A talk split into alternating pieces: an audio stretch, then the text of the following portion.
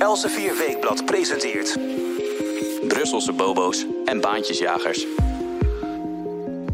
Wat moet de Europese Unie met Huawei? Het Chinese bedrijf wil graag 5G-netwerken aanleggen in Europese landen.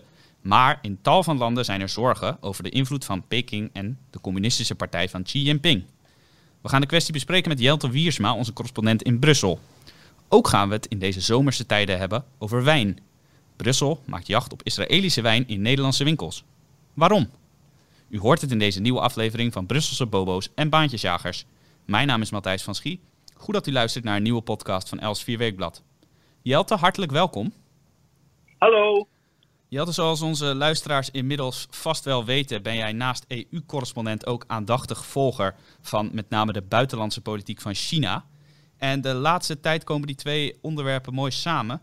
Want in de EU ontstaat steeds meer discussie over de aanleg van een 5G-netwerk en de vraag of het Chinese Huawei daar een rol in mag spelen. Waarom is die discussie uh, zo heftig opgeleid?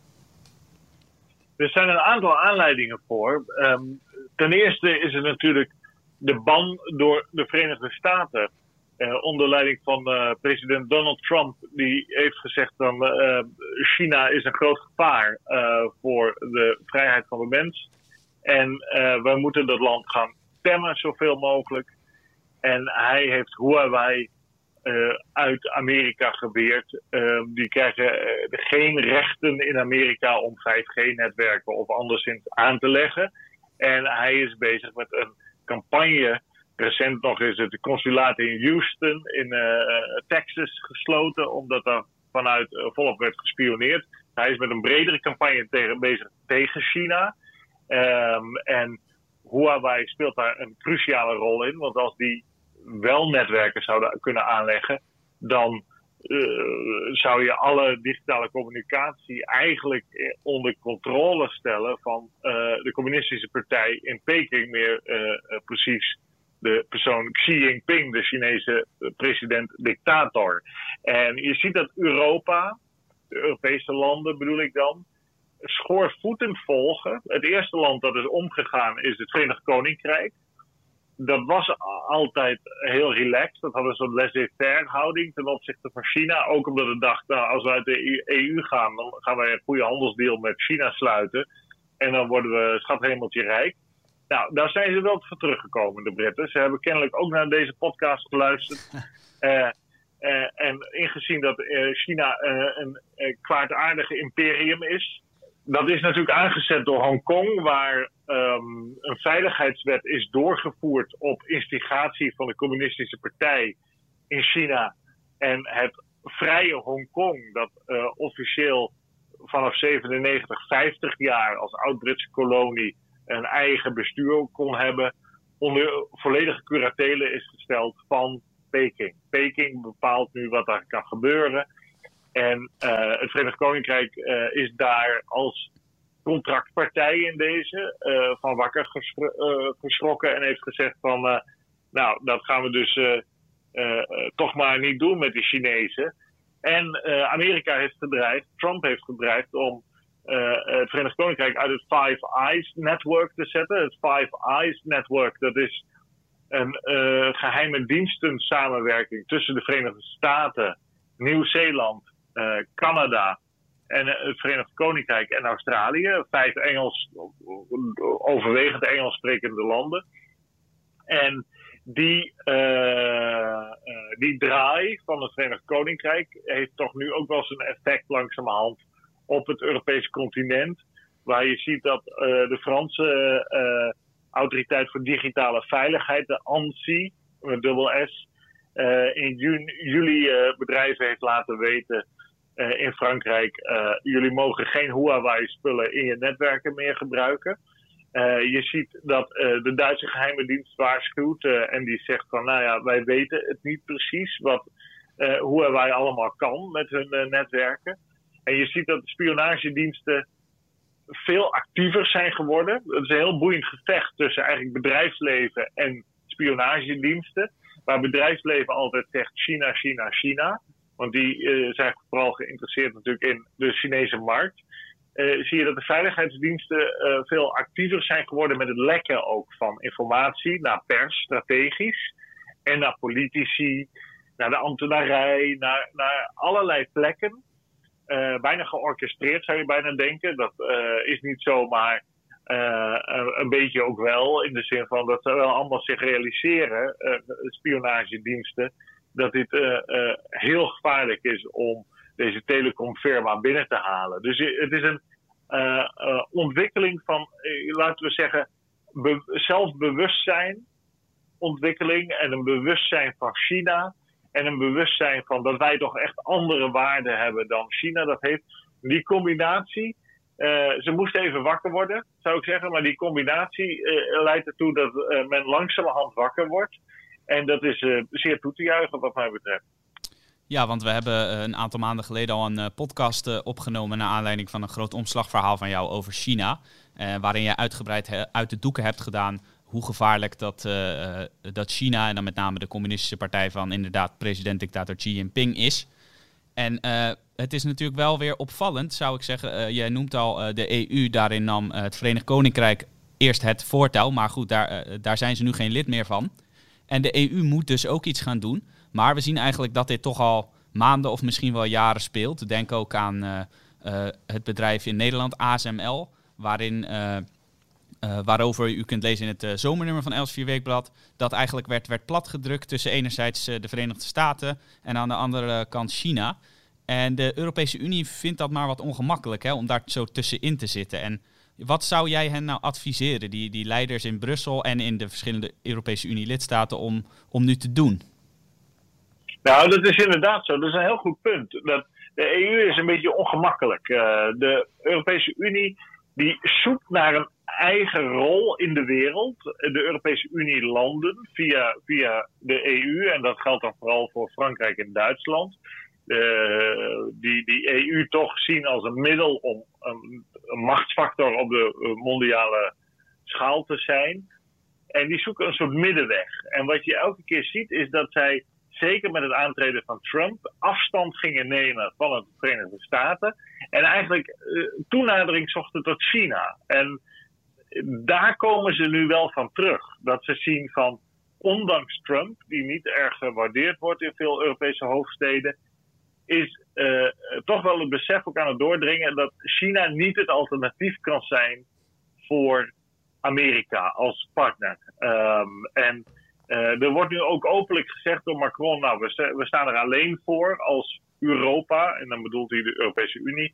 Um, de, ontwikkelingen is, zijn, zijn in die zin nog wel fascinerender bijna dat je iets krijgt van competitie ook tussen Amerika en Europa over de technologieën die dan als alternatief voor Huawei gebruikt zullen moeten worden om 5G en eventueel zelfs 6G en, en weet ik hoeveel G we uiteindelijk kunnen krijgen aan te leggen. En uh, er zijn Amerikanen die hebben al geopperd, wij moeten maar Ericsson uit Zweden en Nokia uit Finland gaan kopen. We kennen Nokia natuurlijk vooral van die prachtige mobiele telefoons die zij begin deze eeuw op de markt brachten en die razend populair waren. Ja, die waren Nokia. Is als, precies, en dat Nokia is als mobiele telefoonmaker enigszins weggevaagd. Maar um, door, door de Amerikanen, door Apple en door Samsung uit Zuid-Korea. En ook door Huawei, die ook telefoontjes maakt, smartphones. Um, maar uh, Nokia is zich helemaal gaan specialiseren in het bouwen van uh, telecommunicatienetwerken. En Amerika heeft zelf niet zo'n soort firma. Uh, Ericsson uit Zweden heeft ook allemaal kennis op dat gebied. Die, zit ook in die sector. Ook een beroemde telefoonbouwer van uh, weleer maar op telefoongebied eigenlijk ook helemaal weggevaagd. Dus uh, je ziet dat Europa heeft een, heeft een asset in handen. Ehm, het beste bedrijf, afgezien van Huawei, of de beste bedrijven, zijn eigenlijk e-, Ericsson en Nokia. En je ziet dat de Amerikanen dus een poging deden om dat te kopen. En je ziet ook dat vanuit Frankrijk wordt dat vooral aangejaagd, maar ook wel vanuit Duitsland veel meer belangstelling komt voor industriepolitiek. Waarbij er een omhelzing komt van Europese bedrijven die ergens goed in zijn. En dat die bedrijven dan groot groot worden gemaakt, groter worden gemaakt. En de grote staatsopdrachten krijgen, de grote overheidsopdrachten, om bijvoorbeeld zo'n 5G-netwerk aan te leggen. Nou, dat is, dat is typisch Frans om dat te doen. Um, we gaan uh, dat, uh, die strijd nog meer en meer zien in de Europese Unie. Um, want uh, ja, er moet een alternatief komen als Huawei niet meer wordt toegelaten. Wat nog wel aardig is, is dat Duitsland is de tweede helft van dit jaar voorzitter van de Europese Unie. de Europese Unie, zoals we alle weten, stikt van de presidenten. Wij noemen die in het Nederlands altijd voorzitters. Uh, maar er is ook altijd uh, elk half jaar een land dat voorzitter is. En dat land bepaalt eigenlijk de agenda en is een beetje het secretariaat van de EU. En uh, Duitsland wilde een grote China-top in september organiseren. Die in Leipzig, als ik het wel heb, die is geannuleerd zoals het nu ervoor stond. Want corona en dit en dat. Ook uit China, toevallig? ja. um, maar de, dat, um, de Duitsers die zitten toch een beetje lastig. Want die hebben um, als nationaal symbool de auto-industrie. De grote groeimarkt voor de Duitse automobielindustrie is China. Daar hebben ze enorm geïnvesteerd. Miljarden fabrieken staan daar. En ze willen die markt niet verliezen. Um, en die investeringen niet verliezen. Want de Chinezen zijn wel zo makkelijk, hè? Die zeggen: oké, als jullie niet doen wat wij willen, dan schoppen we jullie van onze markt af. Dat zien we met uh, Nokia en Ericsson. Uh, China zegt nu al: als jullie als Nokia en Ericsson uh, al die opdrachten in Europa gaan oppakken, dan gaan wij niet meer accepteren dat jullie in ons land producten maken en die exporteren. Of dat jullie exporteren naar ons als Chinezen. Dus er komt meteen vergelding. En dat gaan we veel meer zien. Dus dan zie je maar hoe, eigen, ja, hoe vervelend die Chinezen zijn. En dan druk ik me nog heel zacht uit. Uh, want ze pakken je meteen. En dat werpt Europa terug op zichzelf. En ook weer terug nauwer in relatie met Amerika. Dat is ook heel fascinerend. Dat je ziet, ondanks Brexit, ondanks Trump, dat de banden eigenlijk meteen weer worden aangehaald tussen die drie uh, Verenigd Koninkrijk, Verenigde Staten en de Europese Unielanden. Omdat ze toch wel zien, ja, maar China dat is niet een alternatief. We moeten samen elkaar helpen. Zijn enorme spanningen, maar dat is een, uh, wat mij betreft, heel positieve ontwikkeling. Ja, dat is inderdaad uh, boeiend om te volgen hoe dat zich gaat ontwikkelen. Ik wil nog heel eventjes terug naar wat je net zei over de Duitse auto-industrie. Want wat jij zegt is inderdaad, die, die is daar toch een beetje ongemakkelijk over omdat het een, een flinke economische prijs heeft om China buiten de deur te houden. Nou is het Verenigd Koninkrijk, zoals jij in het begin al zei, eigenlijk als eerste begonnen om een krachtig stelling te nemen tegen China. Dat zie je ook onder meer aan de houding ten opzichte van Hongkong. Dat het Verenigd Koninkrijk geen Hongkongers meer wil uitleveren. En je ziet het aan de Britse minister van Buitenlandse Zaken, die, meen ik, twee weken geleden als eerste eigenlijk in Europa heel duidelijk afstand nam van de Chinese behandeling van de Oeigoeren, de moslimminderheid die in de provincie Xinjiang wordt onderdrukt. En uh, denk jij dat het op een gegeven moment toch onvermijdelijk gaat worden voor de Europese Unie om die Britse uh, ja, hardheid tegenover China uh, te volgen? Ja, als je niet hypocriet wil zijn, is het onvermijdelijk. deze minister heet Dominic Raab en het Verenigd Koninkrijk is heel, in heel korte tijd van misschien wel het meest pro-Chinese land naar het meest anti-Chinese land geworden. Dus die hebben snel inzicht gekregen, ook nog laat, maar eindelijk wat voor land China is. En inderdaad, de Oeigoeren zijn nu geadresseerd op het hoogste niveau, eindelijk. Eindelijk zou ik zeggen. Want we weten dat er kampen zijn waar honderdduizenden mensen worden heropgevoed tussen haakjes. Maar het zijn gewoon soort slavenkampen waar mensen worden geprobeerd uh, herop te voeden in de zin van religie afwerpen en een nou ja, docile volger te worden van de communistische Chinese dictatuur. Dat is absoluut. Ja, natuurlijk. Dat is absoluut verschrikkelijk. En als je kijkt naar de sancties die tegen Rusland zijn ingesteld, omdat zij allerlei operaties over de grenzen uitvoeren. Waaronder de inname van de Krim en uh, de Oost-Oekraïne-oorlog. dan heb je ook nog sancties tegen Iran natuurlijk, een land dat zich ook in allerlei landen overzees, inclusief Nederland, doet gelden en zelfs tegenstanders van het regime in Nederland laat ombrengen. Hè. We hebben daar een aantal voorbeelden van gezien de afgelopen jaren. Dat soort landen, dat, die krijgen dus sancties tegen zich, terecht.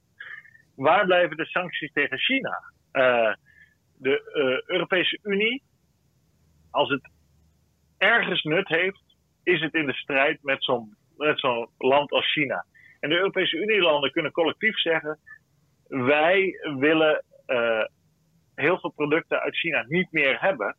Gezien de vreselijke manier waar u, u, waar u in China uh, uw waarde uit de, denkt te moeten halen. En dat is gewoon het mishandelen, het vermoorden, het martelen van grote groepen mensen, hersens, hersenspoelen. En dat, en dat beleid proberen te verspreiden over de wereld. Je, je kan er alleen maar het woord walgelijk uh, op plakken. En de EU-landen hebben natuurlijk een voordeel dat, ja, China levert heel veel goedkope producten en daardoor blijft de inflatie laag. Maar, maar, wij hebben, en dat geldt ook voor de Verenigde Staten, een enorm handelstekort met China.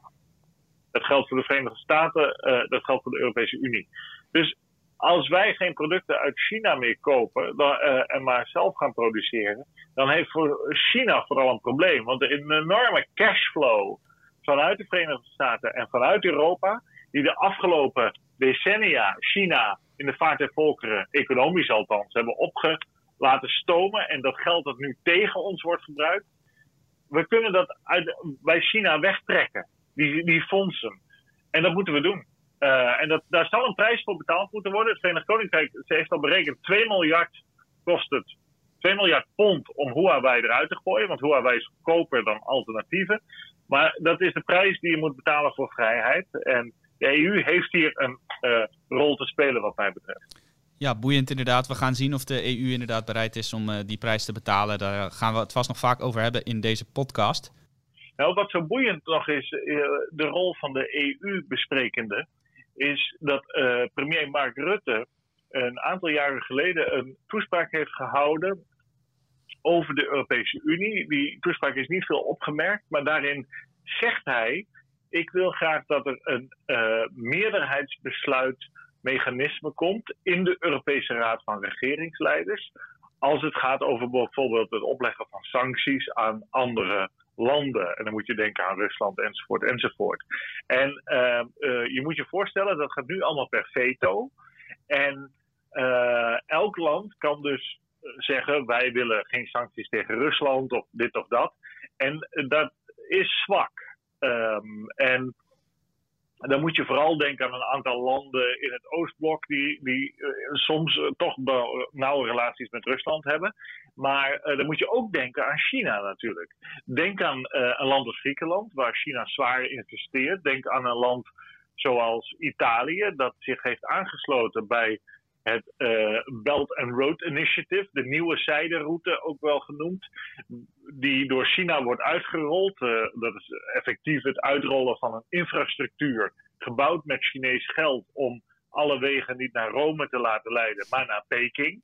Uh, en dat is een strategisch ontzettend belangrijk initiatief van de Chinezen, ook heel slim. Waarbij ze alle handelstromen eigenlijk aftappen naar de marktplaats China. Um, ja, wij houden in deze podcast erg van uitdrukkingen, maar laten we hopen dat de uitdrukking alle wegen leiden naar Peking, uh, dat die nooit gemeen goed gaat worden. Ja, dat hoop ik in ieder geval wel. Uh, absoluut. Uh, maar Rutte heeft dus voorgesteld om eigenlijk landen zoals Griekenland, die al onder de knoet zitten van China en dat ook lieten zien tijdens een mensenrechtenresolutiestemming uh, in de Verenigde Naties, waar uh, de Europese Unie eigenlijk altijd de mensenrechten in China bekritiseert en collectief uh, zegt van nou, daar zijn wij bezorgd over, heeft Griekenland een keer zijn stem onthouden. En omdat er een vetorecht bestaat, ontstond daarmee de situatie dat de Europese Unie als geheel niet meer binnen de VN de mensenrechten situatie in China kon bekritiseren. En Rutte met zijn voorstel heeft dus gezegd een aantal jaren geleden: ik wil af van die meerderheidsbesluiten en ik wil dat een gekwalificeerde uh, meerderheid uh, dat dat gaat gebeuren. Dus dan moet je, dat is een hele ingewikkelde formule. Dan moet je, het gaat om een minimaal aantal landen met een minimaal aantal inwoners. En de regeringsleiders daarvan, als, als in die formule er een, meerderheid, is, dat, dan moet je denken aan twee derde ongeveer, dan kunnen beslissingen worden genomen. Dus dan kan je uh, landen zoals Griekenland kan je eigenlijk buitenspel zetten. En eventueel zelfs Italië kan je buitenspel zetten. Als je hardere maatregelen wil nemen tegen China. En uh, ik denk dat dat uh, misschien wel een uh, proces is dat opgestart moet worden. ook al betekent dat effectief meer macht naar de Europese Unie. En het kan ook wel eens tegen ons als Nederland worden gebruikt. Is het denk ik onontkoombaar om de zwakkere broeders in de Europese Unie, die de, de, de, de spiegeltjes en kraaltjes uit China en ook uit Rusland gretig aannemen, om die buitenspel te zetten. Ja, dan kan premier Rutte dus zoals hij eigenlijk bij de EU-top ook al deed een uh, voortrekkersrol spelen. Uh, en dan wat dat betreft uh, tegenover het buiten de deur houden van China. Klinkt inderdaad als een verstandig idee van onze premier. Ja. Laten we inderdaad daar van harte in toe blijven juichen. dan gaan we het nu eventjes hebben over een wat luchtiger onderwerp. Wijn, maar dan geen wijn uit de EU, maar wijn uit Israël. Geen EU-land uiteraard. Daar komen heerlijke wijnen vandaan, dat weet ik ook uit eigen ervaring. En ook in Nederland zijn ze volop verkrijgbaar. Maar de Europese Unie die heeft problemen met bepaalde wijnen uit Israël. Wat is er precies aan de hand? Ja, je hebt um, een resolutie die is aangenomen in 2015 via het Europees Parlement. En de Europese Commissie heeft uiteindelijk een richtlijn opgesteld. Waarin staat dat producten die komen van de westelijke Jordaan-oever, of uh, Samaria, uh, Judea en Samaria genoemd ook wel sommigen. En de Golanhoogte, dat die niet mogen worden verkocht op de Europese interne markt met het productlabel Product of Israel of Made in Israel of iets dergelijks. Want zij zeggen van, nou, dat is geen Israël, maar dat zijn bezette gebieden. Nou, dat is door de Duitse Bondsdag is de, en ook de Israëlische regering is dat gekwalificeerd als antisemitisch, uh, deze uh, richtlijn. Maar desal, desalniettemin is die aangenomen. Er zijn ook wel rechtszaken gevoerd tot aan het Europees Hof van Justitie. Van onder meer een Franse uh, winkel. Die uh, zei, nou wij willen gewoon dat daar een Made in Israel op kan staan. Die hebben dat verloren. Ja, dat komt maar, uit uh, wat je al zei, Judea en Samaria. Judea klinkt redelijk Joods als ik het zo hoor. Ja, als je historisch teruggaat, uh, dan kom je altijd bij Adam en Eva uit natuurlijk. Dus um, laten we maar niet uh, uh, die historie helemaal ontrafelen, want daar komen we dan, niet uit. dan kom je er nooit uit wie, van wie welk stukje grond is. Maar um, in ieder geval, deze hoge politiek, die is aangejaagd door een, een beweging van, die, die wil desinvesteringen in Israël. Die wil Israël op allerlei manieren uh, de, het vuur aan de schenen leggen. Um, deze beweging die is er dus in geslaagd om Europese uh, wetgeving uh, geïnstalleerd te krijgen. En dat heeft zijn effect tot aan in Nijkerk, waar een winkel um, zit. Dat heet het Israël Productencentrum. Nou, je kan je voorstellen dat het Israël Productencentrum producten uit Israël verkoopt. En zij hadden dus uh, stickers um, of, of productetiketten op hun uh, uh, flessen wijn onder meer. Waarin dus stond Product of Israel. En dat mocht dus niet van de Nederlandse Voedsel- en Warenautoriteit, die dat ook gecontroleerd heeft. En dat is dus bevestigd door het Europees Hof van Justitie dat dat niet mag. Maar daarop hebben zij iets slims bedacht. Daar hebben zij uh, een sticker erop geplakt. Uh, product afkomstig uit, de Joodse, uit een Joods dorp. Uit Judea en Samaria, of Samaria zoals jij zegt. Um, dat is net wat je voorkeur is, geloof ik, uh, hoe je dat, dat uitspreekt. Mag dat dan wel van de EU? Ja, dat is een goede vraag. En dat Israël Productencentrum, dat uh, zit in één pand met een organisatie Christenen voor Israël. En die organisaties zijn aan elkaar gelieerd, al hebben ze formeel niks met elkaar te maken. Maar die organisaties Christenen, Christenen voor Israël is dat dus aan het uitzoeken gegaan en gekeken naar die richtlijn. En die richtlijn is een beetje vaag. Um, die richtlijn die zegt um, wel dat made in Israel of product of Israel niet, uh, from Israel niet mag. Maar wat, uh, en ze doen wel een voorbeeld van wat wel mag. Dan moet je denken aan uh, bijvoorbeeld, je mag wel erop zetten dat het uit een Joods dorp komt of een Arabisch dorp. Uh, maar um, het zegt daarbij van kunnen worden gebruikt. Dus het suggereert dat zo'n soort formulering uit een Joods dorp of Arabisch dorp kan worden gebruikt. Maar het zegt niet dat dat het echt moet zijn. Dus er is niet een bestaande productomschrijving uit die twee gebieden. Westelijke Jordaanoever uh, en Golanhoogte. Dus zij hebben uh, nu weer de inspecteurs van de Nederlandse Voedsel- en Warenautoriteit over de vloer gehad. Die hebben naar dat label gekeken op naar aanmoediging dat is wel uh, heel vreemd uh, van linkse, extreem linkse actiegroepen. En de Nederlandse Voedsel- en Waterautoriteit, die twee inspecteurs, die hebben gezegd: ja, dat mag niet en we moeten jullie eigenlijk een boete geven. Nou, dat hebben ze nog niet gedaan. Die zijn teruggegaan naar hun kantoor, die NVWA-inspecteurs. De ChristenUnie en SGP die hebben vragen gesteld aan minister van Medische Zorg Tamara van Ark van de VVD om nou eens opheldering te krijgen over wat nou wel mag en wat nou niet mag. Um, daarbij um, moet je uh, je voorstellen dat uh, zo'n zaak mogelijkerwijs opnieuw helemaal naar het Europees Hof van Justitie gaat. Want als, de, als Van Ark oordeelt dat deze stickers zoals die er nu op zitten niet mogen, dan, dan zal, uh, zullen Christen voor Israël en het Israël Productcentrum dit aanvechten. En dan uh, zal het opnieuw tot het EU-hof waarschijnlijk gaan. En dan moeten we gaan kijken of dit nou wel of niet mag, deze labeling. Ja, dat klinkt allemaal wel als heel erg veel moeite en heel veel gedoe al, uh, om een simpel uh, etiket op een fles wijn. Wat ik wel interessant vind, en dat beschrijf jij ook in jouw artikel hierover, jouw vaste rubriek in Brussel, die vorige week in het blad stond. Uh, hoe komt het nou dat de, de, Europese Unie nou zo gericht is uh, met die etikettering op Israëlische wijn, omdat die dan uit bezet gebied zouden komen? Gaat dat ook zo met andere vermeend bezette gebieden op de wereld? Ja, dat is een goede vraag. En dat, het antwoord daarop is nee. Er zijn zo'n honderd gebieden in de wereld die als bezet worden beschouwd. En dan moet je denken aan de westelijke Sahara. dat is een gebied dat onder controle staat van Marokko. Dan moet je denken aan Tibet, een gebied dat uh, onder controle staat van uh, China. Nou, zo heb je tientallen gebieden in de wereld uh, met zo'n soort betwiste status, die wel beheerst worden door een land, maar die legitimiteit over dat grondgebied wordt meestal niet erkend, of, of maar door een aantal landen erkend. Dus het is heel gek dat specifiek dat ene land, Israël, in dit verband uh, wordt gepakt, zou je kunnen zeggen. Dus of je pakt ze allemaal, en dan moet je dus zeggen uh, producten uit het bezette gebied Tibet of zoiets.